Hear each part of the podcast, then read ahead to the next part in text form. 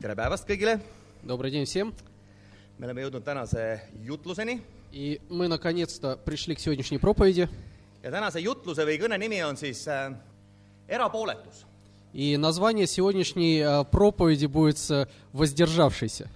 võib-olla niisugune natukene intrigeeriv pealkiri, Э, Может быть, это интригует даже кого-то такое название. aga kohe me kuuleme, mida, me siis selle all mõtleme. Но я поясню, что я имел в виду. Me oleme harjunud sellega, et oma seisukoha väljendamiseks on meil reeglina kolm võimalust. Мы привыкли, к тому, что для того, чтобы выразить свое мнение, мы располагаем тремя возможностями. olla siis poolt, Э, Мы можем быть «за», olla vastu «против» või jääda erapooletuks. или «воздержаться». kes on erapooletu? И кем являются, являются вот эти люди, которые воздерживаются от голосования? erapooletu on keegi, kes on teadlikult neutraalne, Это человек, который принимает решение быть нейтральным в ситуации, который а, активно не поддерживает ни одну сторону. kuid teate, huvitavalt on öelnud üks saksa kirjanik ja filoloog kakssada aastat tagasi. Но знаете, очень интересную мысль высказал один а, а, немецкий а, э, писатель 200 лет назад. ma ei hakka ta nime ütlema, sellepärast et see niikuinii ei ütle teile midagi. Я не буду говорить его имени, называть вам, потому что оно вам ничего не скажет. Aga ta ütleb seda, et inimene ei ole tegelikult kunagi erapooletu. Но знаете, он сказал очень интересно, он сказал, знаете, человек, человеку никогда не бывает все равно, он никогда не может быть истинно воздержавшимся. Потому что даже когда ты говоришь, что я, мне, в общем-то, все равно, ты все равно немножко склоняешься на чью-то сторону. kuid kas on selliseid olukordi meie eludes, kus kohas meil oleks võib-olla õigem või targem jääda erapooletuks? Но, может быть, в нашей жизни бывают ситуации, в которых нам действительно, может быть, разумнее не принимать ничью сторону. Я думаю, что, конечно, такие ситуации случаются. võtame siin näiteks paari aasta taguse Andrus Veerpalu dopingujuhtumi.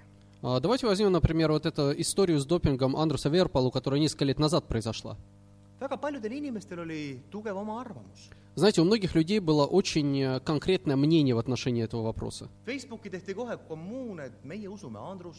И в Фейсбуке сразу же образовалось там сообщество такое, что мы доверяем нашему человеку. osa rahvast oli Andruses väga pettunud, et ta kindlasti tarvitas neid keelatud ained. А часть, может быть, э, общества было, наоборот, разочаровано в его достижениях. Они считали, что он действительно все на допинге завоевал все награды. Osa inimesi jäi neutraalsele seisukohale, et "Mm, ma ei tea ja mind ei huvita ka. Часть людей, может быть, сказала, что, знаешь, да и я, в общем-то, не, не интересуюсь спортом, мне все равно.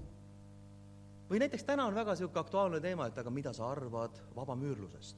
Или, например, э, сегодня такая актуальная тема, что вы думаете о масонстве? aga Tallinna praost on ju ka vabamüürlane. Потому что у нас же э, священник тоже масон. nii naša ihni. Ну, sorry. Jaa, et mine tea, et äkki on kusagil meie ümber siin niisugune suur, suur vandenõu, ega me ei tea ju. Э, Вдруг на самом деле мы живем окруженные теорией великого заговора, мы даже не представляем себе. on selliseid kohti, kus me võime või saame jääda erapooletuks. И знаете, есть на самом деле темы, в которых мы можем сохранять не- нейтралитет. kus kohas tegelikult sellest meie seisukohast ja meie arvamusest mitte midagi ei sõltu. И обычно это темы, где от нашего мнения ничего, в общем-то, не зависит. aga samas on selliseid olukordi ja selliseid teemasid, kus kohas me peame selgelt valima poole. Но в то же время бывают ситуации или какие-то темы, где мы дол- должны принять решение, на чьей мы стороне. ja teate, see on suur tarkus, kui me tunneme ära, kus kohas meil tasub võidelda ja lüüa lahinguid ja kus kohas mitte. И знаете, действительно, тебе необходима мудрость для того, чтобы понимать, где тебе стоит идти в сражение на пролом, а где тебе стоит воздержаться. teate, mulle meeldib väga üks situatsioon piiblis Apostlite tegudes, kui Paulus on Ateenas. И знаете, мне нравится одна ситуация, она описана в Деяниях апостолов, где Павел э, посещает город Афины. Ja jalutades mööda seda Ateenat, ta näeb, et seal on väga palju ebajumala kujusid. И вот он, прогуливаясь по городу, отмечает, что там очень много статуй э, э, идолов.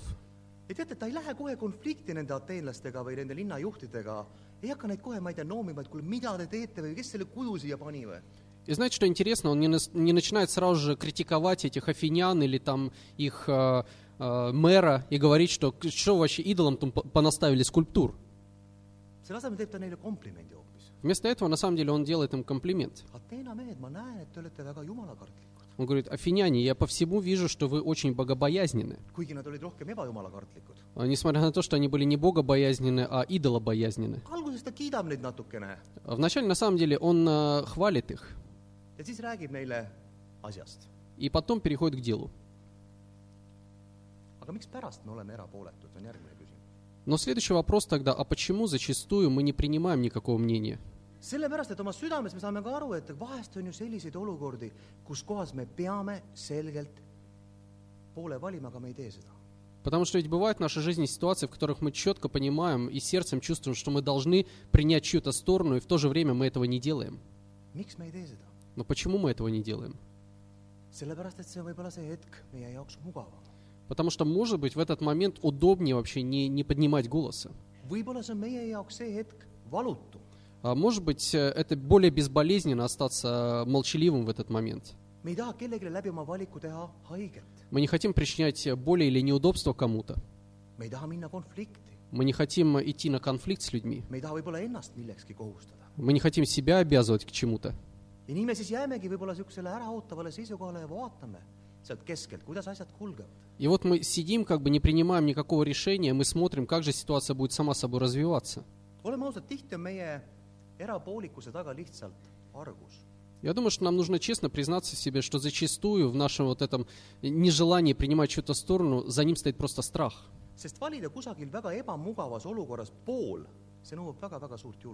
Потому что для того, чтобы принять чью-то сторону в определенно неудобной для тебя ситуации, тебе необходима для этого смелость.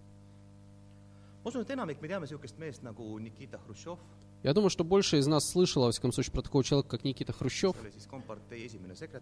Это был, соответственно, генсек, долгое время был генсеком э, КПСС. И в 60-х годах где-то ему задали один вопрос на таком на общественном обсуждении. Товарищ Хрущев, mikspärast ei seisnud vastu Stalini repressioonidele? Объясните нам, почему вы не выступили против репрессий, сталинских репрессий? Этот вопрос э, пришел откуда-то из большой аудитории, и Хрущев не, не, не отметил, кто спрашивал. И он задал вопрос, а кто из вас задал этот вопрос сейчас? Все сидели молча. И он снова задает тот же самый вопрос. Я повторяю, кто спросил у меня сейчас это? И тогда он начал, продолжал уже нормальным тоном. küsimuse. И он продолжал, обращаясь к залу, он сказал, что кем бы ты ни был, человек, задавший сейчас мне этот вопрос, а, пожалуйста, я только что дал тебе ответ. ma olin Stalini suhtes täpselt samas positsioonis, mis sina praegu. Я перед Сталином, я был такой же, как ты сейчас передо мной. et mitte olla erapooletu, see nõuab tõesti väga suurt ja väga suurt julgust ja otsustavust. И знаете, для того, чтобы не стоять в стороне, тебе действительно необходима огромная смелость. ma tahan tulla tänase meie võtmevärsi juurde. Я хотел бы прийти, перейти к сегодняшнему ключевому отрывку Писания. teeme lahti oma piiblid ja loeme Luuke evangeeliumist üheteistkümnendast peatükist, värss kakskümmend kolm. Давайте откроем Библию и прочитаем из 11 главы а, Евангелия от Луки, 23 стих. ja seal ütleb Jeesus väga olulised sõnad. И здесь Иисус произносит, произносит очень важные слова. kes ei ole minuga, see on minu vastu. kes ei kogu minuga, see pillab. Тот, кто не со мной, тот против меня. И кто не собирает со мной, тот растрачивает. teate, see mõte, mida Jeesus ütleb siin praegu välja, Знаете, там мысль, которую Иисус здесь подчеркивает своими словами, она не оставляет нам возможность в Царстве Божьем стоять в сторонке.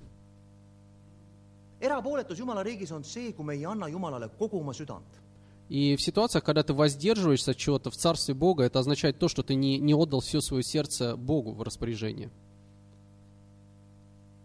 kas sa oled koos Jeesusega või sa ei ole? А у тебя лишь две возможности. Или ты со Христом, или ты не со Христом. И каждый христианин должен себе задать вопрос, собираю ли я со Христом.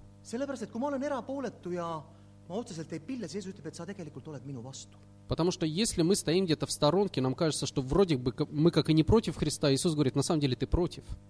kui sa arvad täna, et sa oled koos Jeesusega ja kogud, siis mõtle korraks, kuidas see paistab Jeesuse poolt vaadatuna. Если ты думаешь, что ты со Христом и ты собираешь с Ним, то подумай, как это выглядит в глазах Христа сегодня. А, Он со своей стороны убежден, что ты с Ним. lihtsalt sellepärast, et meil pärast ei oleks mingisugust pettumust, et ma arvasin või et ma mõtlesin ka, et И для чего я задаю этот вопрос? Просто для того, чтобы потом никто, э, никого не постигло разочарование, что ну, а мне казалось, что вроде как я собирал всю жизнь. võib-olla me mõtleme, et ma ei ole otseselt ju tema vastu, et ma ei pilla. А, Может быть, у нас возникает мысль, что ну, вроде бы не работаю против Христа. Если я выйду за двери этого зала сегодня, то я посмотрю вокруг себя на улице, я могу сказать, что там мно- намного более хуже меня люди живут. Но я задам тебе вопрос другого плана. А Может быть, это и означает то, что ты просто стоишь в стороне.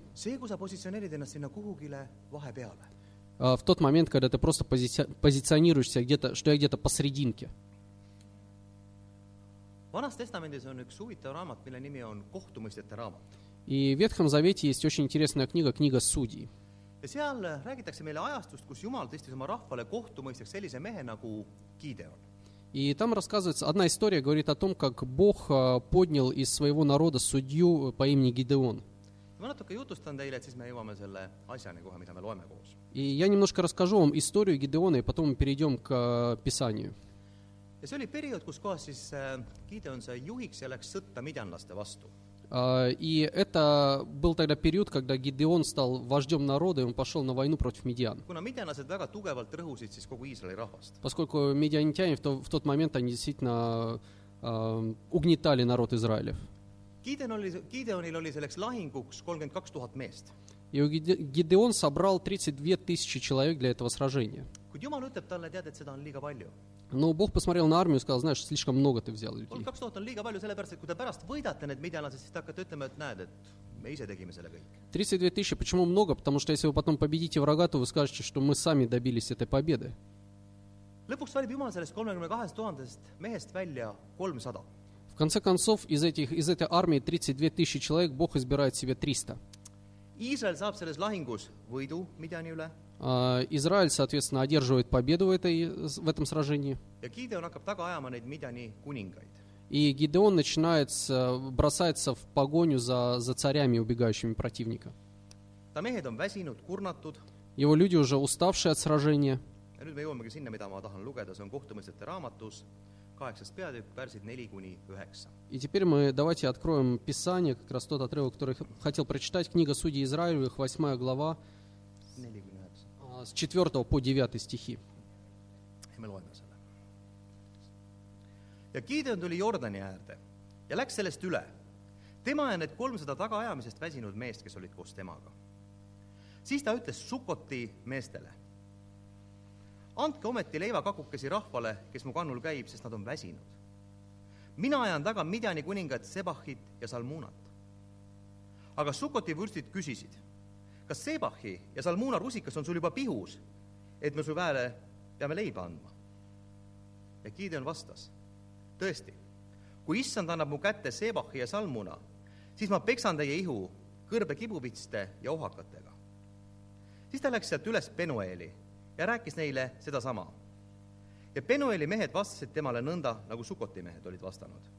ta tõotas siis ka Penueeli meestele öeldes , kui ma rahuga tagasi tulen , siis ma kisun selle torni maha . Гид- Гидеон и 300 воинов, которые были с ним, утомились, но продолжали погоню. Они пришли к Иордану и переправились через него.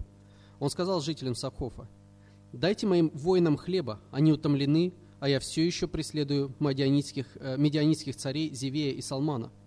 Но приближенные Сахофа ответили, «Разве Зевей и Салман уже в твоих руках, чтобы нам давать хлеба твоим воинам?» Гидеон ответил, «За это, когда Господь отдаст мои руки Зевея и Салмана, я растержа- растерзаю вашу плоть пустынным терновником и шиповником». Оттуда он поднялся к Пениелу и спросил того же, но жители Пениела ответили, как жители Сакхофа. И он сказал э, жителям Пениела, когда я вернусь с победой, я разрушу эту башню.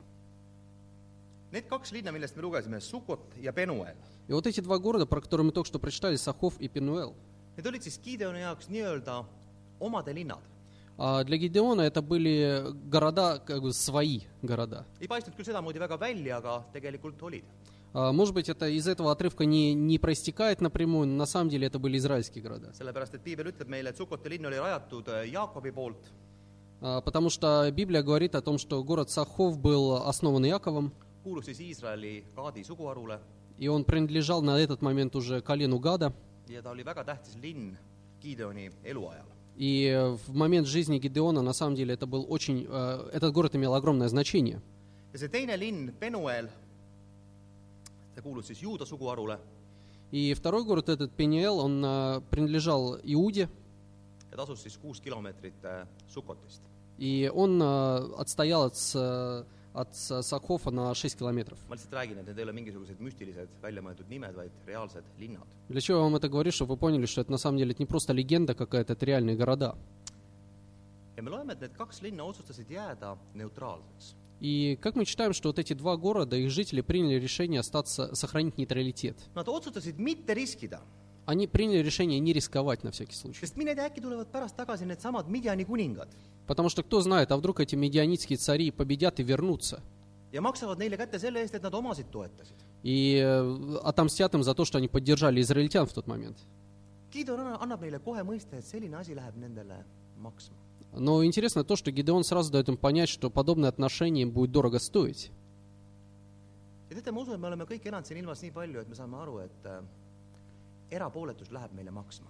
И знаете, я думаю, что большая часть из нас э, э, уже какое-то время живем на земле и понимаем, что э, если мы остаемся нейтральными, то зачастую нейтралитет э, дорого стоит нам.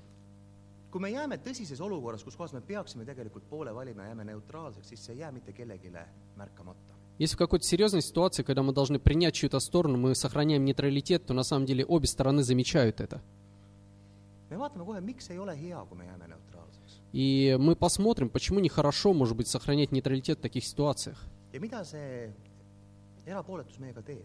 И что вот подобного рода нейтральность или, или нейтралитет делают с нами. kõigepealt äh, erapooletud ei koge kunagi võidurõõmu. Прежде всего, если ты сохраняешь нейтралитет, ты никогда не будешь в числе победителей. kellega koos sa saad rõõmustada, kui sa oled neutraalne? А за кого ты будешь радоваться, если ты вроде никого не поддерживал? Поскольку ты не сражался на стороне победителей, поскольку ты не помогал им, то, в общем-то, у тебя нет права отмечать победу. Если мы посмотрим на историю этих двух городов, они могли помочь. Nad oleksid olnud võinud olla selle võitjate poolel. А по идее, они могли оказаться на стороне победителей. mõtleme sellele, et kui me valime neutraalsuse, siis me ütleme ei võidurõõmule kohe. Давайте поразмышляем над, над тем, что если мы остаемся нейтральными, то мы говорим нет на самом деле будущей радости победы. ma ei räägi siin mingisugustest suvalistest rahvaküsitlustest, vaid ma räägin tegelikult vaimsetest asjadest. И на самом деле я сейчас говорю не о каком-то опросе населения, я говорю о духовных вопросах. Oleme ausad, et tegelikult ega erapooletud ei isegi ei saa nutta koos kaotajatega. И если честно посмотреть на ситуацию, то на самом деле люди, сохраняющие нейтралитет, они не могут даже плакать с теми, кто оказался в проигрышной ситуации. Потому что, в общем-то, они не сделали ничего, чтобы, чтобы избежать этого проигрыша. И их слезы после, после битвы ничего не значат. Если мы опять вернемся к этим двух горо- двум городам, о которых мы прочитали только что, то на самом деле можно сказать, что Гидеон а, подарил им свободу. Он, а, он на самом деле он уничтожил врагов своего народа, и они даже пожалели хлеба для него. Еще одна вещь. teate, kui me oleme erapooletud Знаете, если мы сохраняем нейтралитет и постоянно стоим в сторонке, то наша собственная вера не будет укрепляться.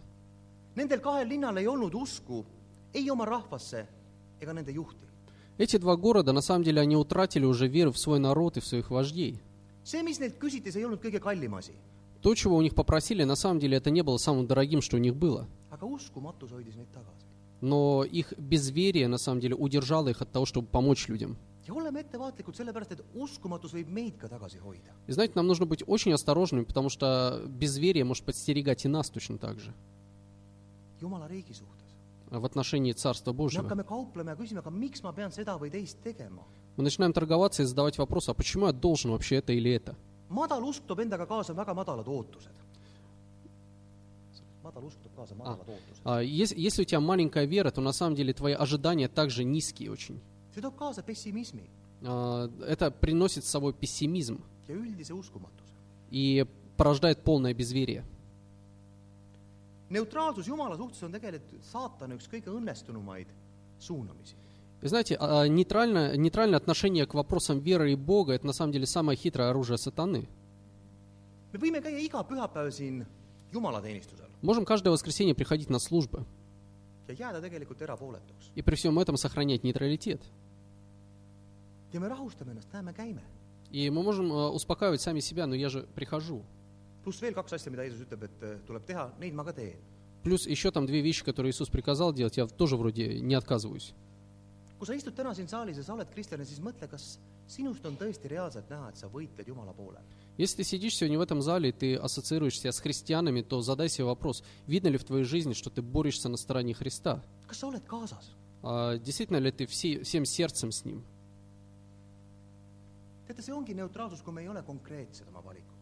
Знаете, нейтралитет э, может выражаться в, э, в неконкретности выборов,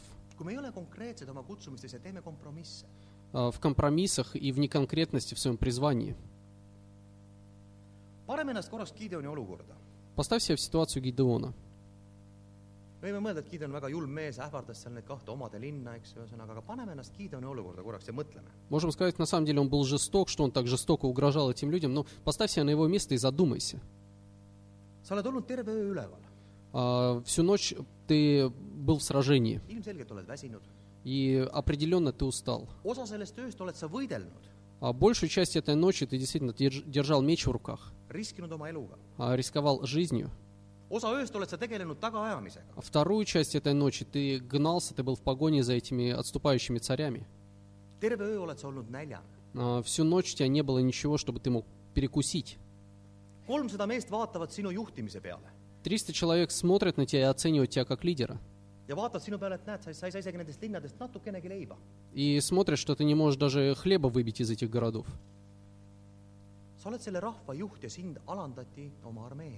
Ты являешься царем этого, судьей этого всего народа, и твой же народ унижает тебя перед твоей армией. И вот Гидеон идет дальше. Он продолжает погоню за этими царями. А, С 300 человеками 15 тысяч он гонит. В конце концов, он настигает этих царей и возвращается. И посмотрим, что тогда произошло. eh. А, Та же самая восьмая глава книги Судей с 13 стиха начиная. kui Gideon, Joase poeg, tuli tagasi taplusest Heeresi tõusutee juures, siis ta sai kätte ühe noore mehe Sukoti meestest ja küsitles teda. ja see kirjutas temale üles Sukoti vürstid ja vanemad, seitsekümmend seitse meest. siis ta tuli Sukoti meeste juurde ja ütles, vaata, siin on Sebah ja Salmuna, kelle pärast te pilkasite mind öeldes, kas on Sebah ja Salmuna juba su käes, et me peame su väsinud meestele leiba andma. ja ta võttis linna vanemad ja kõrbe kibuvitsu ja ohakaid ja andis neid tunda Sukoti meestele. Ja ta kiskus maha Penueli torni ning tappis linnamehed. Когда Гидеон, сын Иоаса, вернулся с битвы при возвышенности Херес, он захватил юношу из Сахофа, допросил его, и юноша написал ему имена 77 приближенных Сахофа, городских старейшин. Тогда Гидеон пришел и сказал жителям Сахофа, «Вот Зевей и Салман, из-за которых вы издевались надо мной, говоря, разве Зевей и Салман уже в твоих руках, чтобы нам давать хлеба твоим утомленным воинам?» Он взял старейшин города и преподал жителям Сахофа урок, наказав их пустынным терновникам и шиповникам. Еще он разрушил башню Пениела и перебил жителей этого города. На самом деле жестокий урок. isegi kui me mõtleme seda, et need kaks linna ju ei võidelnud Midjani И мы можем вспомнить о том, что, в общем-то, эти два города, они не воевали против, против Израиля. Но вопрос заключается в том, что они не воевали вместе с Гидеоном. И вот этот нейтралитет, на самом деле, он дорого стоил этим людям. Sukoti linn sai oma lubatud õppetunni. А, Город Сахов получил обещанный урок. vürstid ja vanemad said vitsa. Его а, старейшины и кня- князья были наказаны, соответственно, шиповником. Представь себе эту ситуацию. Я не знаю, может быть, 35 лет назад я последний раз меня кто-то хлестал чем-то. omad andsid ikkagi seda. Свои, свои собственные люди. meeles. Но до сих пор я помню этот, этот день. Но здесь мы говорим о князьях и старейшинах народа. tegelikult, А, Представь себе это унижение, которое они испытали. А, Какой больной урок им был преподан. Я верю, что власть этого города и его авторитет среди Израиля никогда не достигли своей, своей вершины больше. sellepärast, et väga raske oli olla Sukoti vürst või vanem. Потому что очень сложно было чувствовать гордость от того, что ты князь или старейшина Сакхофа. Даже маленькие дети смотрят на тебя, а, это тот, кого Гидеон хлестал там в пустыне. Все помнили об этом. Но у города Пен- Пеньела на самом деле дела пошли еще хуже. ja ajaloolased arvavad, et selle torni mahakiskumisel on ka samamoodi olemas konkreetne mõte. И э, сегодня историки считают, что разрушение башни этого города, за этим стоял действительно глубокий смысл. torn oli sellel ajal linna tugevuse ja turvalisuse sümbol. А, Башня в, тот, в то время означала а, независимость, символ независимости и силы города. ja linna elanikel oli alati hea viidata selle torni peale, vaadake, näed, meil on ju see torn. И жители города, они всегда могли показать на свою башню и сказать, смотрите, мы независимы, у нас есть башня. selle mahakiskumine näitab, et teil ei ole enam mitte millegi peale loota. Разрушение вот этой башни означало для жителей города, что, смотрите, больше вам не на что надеяться. igatahes peale seda lugu enam Penueli kui linna ei mainita. Во всяком случае, после этой истории Пениел в Библии больше нигде не упоминается. milline võiks olla siin meie õppetund? И какой урок мы можем для себя извлечь из всего этого? et me ei läheks siit täna koju ega raputaks pead, et mõtleksime, näed, vot olid need kaks linna ikka, need leivast oli kahju. Для того, чтобы сегодня мы не ушли домой и не думали, что ну вот люди жили, жили, хлеба пожалели Гидеону. Ma tahaksin tõmmata ühe paralleeli selle lootud, loetud loole. На самом деле, я хотел бы провести параллели вот с этой прочитанной только что историей. enne kui meil oli vaheaeg, Johani tegi siin, viis läbi armulaua И до нашей паузы служб- служебной Йохани говорил во время причащения, ta rääkis meile Jeesusest. он говорил об Иисусе. me kõik teame, kes oli Jeesus. Мы все знаем, кем был Иисус. ja me teame, et Jeesuse aktiivne tegutsemine siin maa peal oli kolm aastat. И мы знаем, что Иисус активно, э, время активного служения Иисуса на земле было примерно три года. Довольно-таки короткое время. Но за это время он очень многое pärandi. И он успел оставить нам наследие.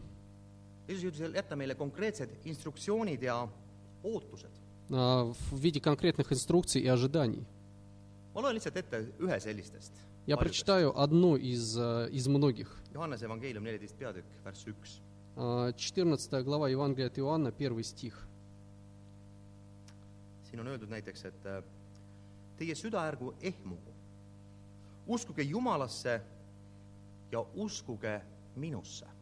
Здесь написано, пусть ничто не тревожит ваши сердца, верьте в Бога и верьте в меня. see sõnum oli tegelikult väga konkreetne, uskuge. На самом деле послание очень конкретно, верьте. Э, Верьте в то, что я говорю вам. Э, Верьте ради спасения вас самих. И знаете, в, каком-то, в какой-то мере мы можем э, уподобить Христа Гидеону, о котором мы только что прочитали. Он э, прошел, он оставил конкретное ожидание. И пошел дальше. no kui me lugesime siin ennem, Gideoni sõnumit ei võetud väga tõsiselt. И как мы уже читали, что жители вот этих двух городов, они не восприняли серьезно а, послание Гидеона им. Но вопрос в том, как серьезно мы относимся к словам Христа. sellepärast, et ühel päeval pöördub Jeesus tagasi. Потому что однажды Иисус вернется. täpselt nii, nagu Gideon pöördus tagasi oma retkelt. Точно так же, как и Гидеон вернулся со своего военного похода. Ja? И что тогда произойдет? ma tsiteerin mõned mõtted, mis siis hakkab toimuma, mida, mida piibel räägib meile. Я процитирую вам некоторые отрывки Библии, которые описывают то, что будет происходить. ma loen ette, võite panna selle kirja kohe kirja, Johannese kaksteist nelikümmend kaheksa. А, Иоанна 12, 48, вы можете записать себе. ja seal on näiteks öeldud, et kes lükkab minu kõrvale ega võta vastu mu kõnet, sellel on juba kohtumõistja. sõna, mis ma olen rääkinud, see mõistab tema üle kohut viimsel päeval. Здесь говорится, для того, кто отвергает меня и не принимает моих слов, есть судья. Мое слово будет судить его в последний день. kui me ei võta vastu Jeesust, kui me ei usu, siis meie üle mõistetakse kohut. Иисус говорит, что если вы не принимаете моих слов, то вы будете судимы. veel üks asi, Еще одна вещь. Matuse kakskümmend viis, kolmkümmend üks kuni kolmkümmend kolm ütleb meile. А, Матфея 25, 31, 33. aga kui inimese poeg tuleb oma kirkuses ja kõik inglid temaga , siis ta istub oma kirkuse troonile . ja ta ette kogutakse kõik rahvad ja ta eraldab nad üksteisest , otse kui karjane eraldab lambad sikkudest . ja ta seab lambad oma paremale käele , sikud aga vasakule käele . Когда Сын Человеческий придет в своей славе, и с ним все ангелы, тогда Он сядет на престоле своей славы. Перед Ним будут собраны все народы, и Он отделит одних людей от других, как пастух отделяет овец от козлов. Овец Он соберет по правую сторону от себя, а козлов по левую. me saame aru, et tegelikult ta ei räägi siin ei lammastest ega sikkudest, ta räägib inimestest. Но мы понимаем, что на самом деле здесь речь не, не о скотном дворе, на самом деле здесь говорится о людях. ta ei räägi mitte neist inimestest, vaid ta räägib meist. И э, Иисус говорит не о тех людях, которые там, Он говорит о нас. ja ta ütleb, et õiged eraldatakse ülekohtustest. И Он говорит, что праведников отделят от делающих злое. veel üks asi, ilmutuse kakskümmend kaks, kaksteist. Еще одна, э, Откровение 22, 12. ja seal on öeldud, vaata, ma tulen varsti ja toon igaühele palga. ma tasun igaühele tema tegude järgi. И здесь Иисус говорит, вот я скоро приду, я несу воздаяние каждому, и каждый получит по своим делам. me saame vastavalt oma tegudele. И Иисус говорит, что каждый получит э, награду согласно своим делам. И какой, какой будет эта награда? На самом деле это зависит от нас. А, Знаете, в русском языке есть хорошее выражение. Если ты хочешь описать человека, которого ты до конца не понимаешь, а, человек, который никогда не принимает ничью сторону, selle kohta, et on nii rõõba, nii мяса. говорится, ни рыба, ни мясо, Eesti соответственно. keeles siis ei liha ega kala. В эстонском языке это просто прямой перевод saate используется. aru sellest väljendist, olete kõik kuulnud kindlasti. Я думаю, что все из вас слышали это выражение. mõtle vahest, et inimesed ei oska pingviini kohta võtta seisukohta, et kes see pingviin on, on ta lind või on ta imetaja või on ta loom või kes ta on siis. Это знаете, как иногда люди не могут пингвина никак охар- охарактеризовать, кто он, птица, животное, млекопитающее или рыба вообще. Küsimus ei ole tegelikult ei lihas ega kalas ega pingviinis, vaid küsimus on sinus, kes sa oled. Вопрос на самом деле не в пингвине, вопрос в тебе, кем ты являешься. kui on olemas taevas, on olemas ka põrgu. И знаете, если есть э, небеса, есть и ад. teate, ei ole olemas mingisugust vahepealset Valhallat, et kus me võime siin ka olla ja kus on ka hea olla. Знаете, нет такого места, как Валхала, где, в общем-то, тоже неплохо быть, которое между а- адом и раем находится. Есть э, небесное царство, есть подземное царство. И знаете, э, суть заключается в том, что нам необходимо взять чью-то сторону. И что это означает для нас? Это означает то, что мы должны быть готовы заплатить определенную цену. Потому что каждая победа, она имеет свою цену. И что ты готов отдать от себя? Apostlite tegudes ütleb Paulus, et mina olen valmis andma oma elu. А, В Деянии апостолов Павел говорит, что я готов пожертвовать своей жизнью. И люди, которые изучали Библию, могут подтвердить, что он и пожертвовал своей жизнью в конце концов. Готов ли ты пожертвовать немного, небольшим количеством хлеба, как попросили жители этих городов? Готов ли ты а, а, пожертвовать чем-то, что ценно в твоих глазах? Например, своим временем. Me oleme vahest võib-olla kõik mõelnud, aga mina olen kindlasti mõelnud seda, et me saame kunagi kokku kõikide pühadega, kellest me oleme lugenud piiblist. Знаете, я не знаю, как вы, но я иногда задумываюсь о том, что когда-нибудь я встречусь со всеми вот с святыми людьми, о которых я изуч- э, которых э, изучаю в Библии. saame nendega kokku ja me saame seal diskuteerida nendega erinevate teemade üle И вот я встречусь с ними, мы сможем, у нас возникнет дискуссия на различные темы. ja võib-olla me siis kuuleme ka nende lugusid И, может быть, я услышу также их историю, kus kohas keegi ütleb et tead et äh, kui ma elasin siin maa peal siis ma andsin oma elu Kristuse eest и где кто-то скажет, знаешь, вот когда я жил на земле, то я пожертвовал своей жизнью ради Христа. keegi teine ütleb võib-olla et tead et ma sain pidevalt peksa selle eest mida ma uskusin Кто-то скажет, знаешь, меня постоянно побивали за то, что я, за мою веру. surin võib-olla ma ei tea sisemise verejooksu tagajärjel И я умер, потому что у меня открылось внутреннее кровотечение. kolmas ütleb aga tead minult võeti ära kõik mu vara А, Третий скажет, знаешь, меня конфис- конфисковали все мое имущество. Mu lapsed viidi orjadeks А, Моих детей продали в рабство selle eest et ma olin kristlane а, за то, что я был христианином. ja teate siis nad vaatavad kõik äh, meie otsa minu otsa И знаете, тогда они все посмотрят на меня, на вас.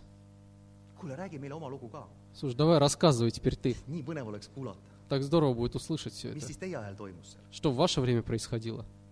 mida me räägime neile И что я расскажу тогда? no ei me ikka käisime kohal siis kui oli aega ja Ну да, когда у меня было свободное время, я приходил на службы.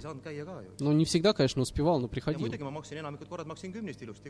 Ну, конечно, я старался, в общем-то, платить десятину, но не всегда получалось, но, в общем-то, я старался. Но я думаю, вы не понимаете меня, потому что в наше время уже жизнь изменилась. kas see on vabanduste keel mida me peame siis kasutama А является ли это языком оправданий, который мы начнем использовать в этом диалоге с ними? А Если мы хотим получить награду от Христа, то мы не можем стоять в сторонке. А Мы не можем просто быть тепленькими. И при всем этом делать такой вид, что вроде бы все в порядке с нами. Потому что Бог смотрит на наши сердца, и Он видит, кем мы на самом деле являемся. Если ты сегодня встанешь после службы, то подумай, кем ты являешься. А, Ты за Христа, ты против Христа, или ты просто воздержавшийся. И знаете, я не верю, что кто-то из нас очень против Христа. Если бы ты был против Христа, то я думаю, ты не сидел бы сегодня в этом зале. Но если чувствуешь, что ты вроде как воздержавшийся пока, тогда прими какое-то решение. И со своей стороны прими все э, необходимые, при- при- при- приложи все необходимые усилия, чтобы быть, э, жить согласно воле Божьей. Чтобы про тебя Иисус мог сказать, что да, этот мужчина или эта женщина сражались в- на моей стороне. Красивого воскресного дня вам.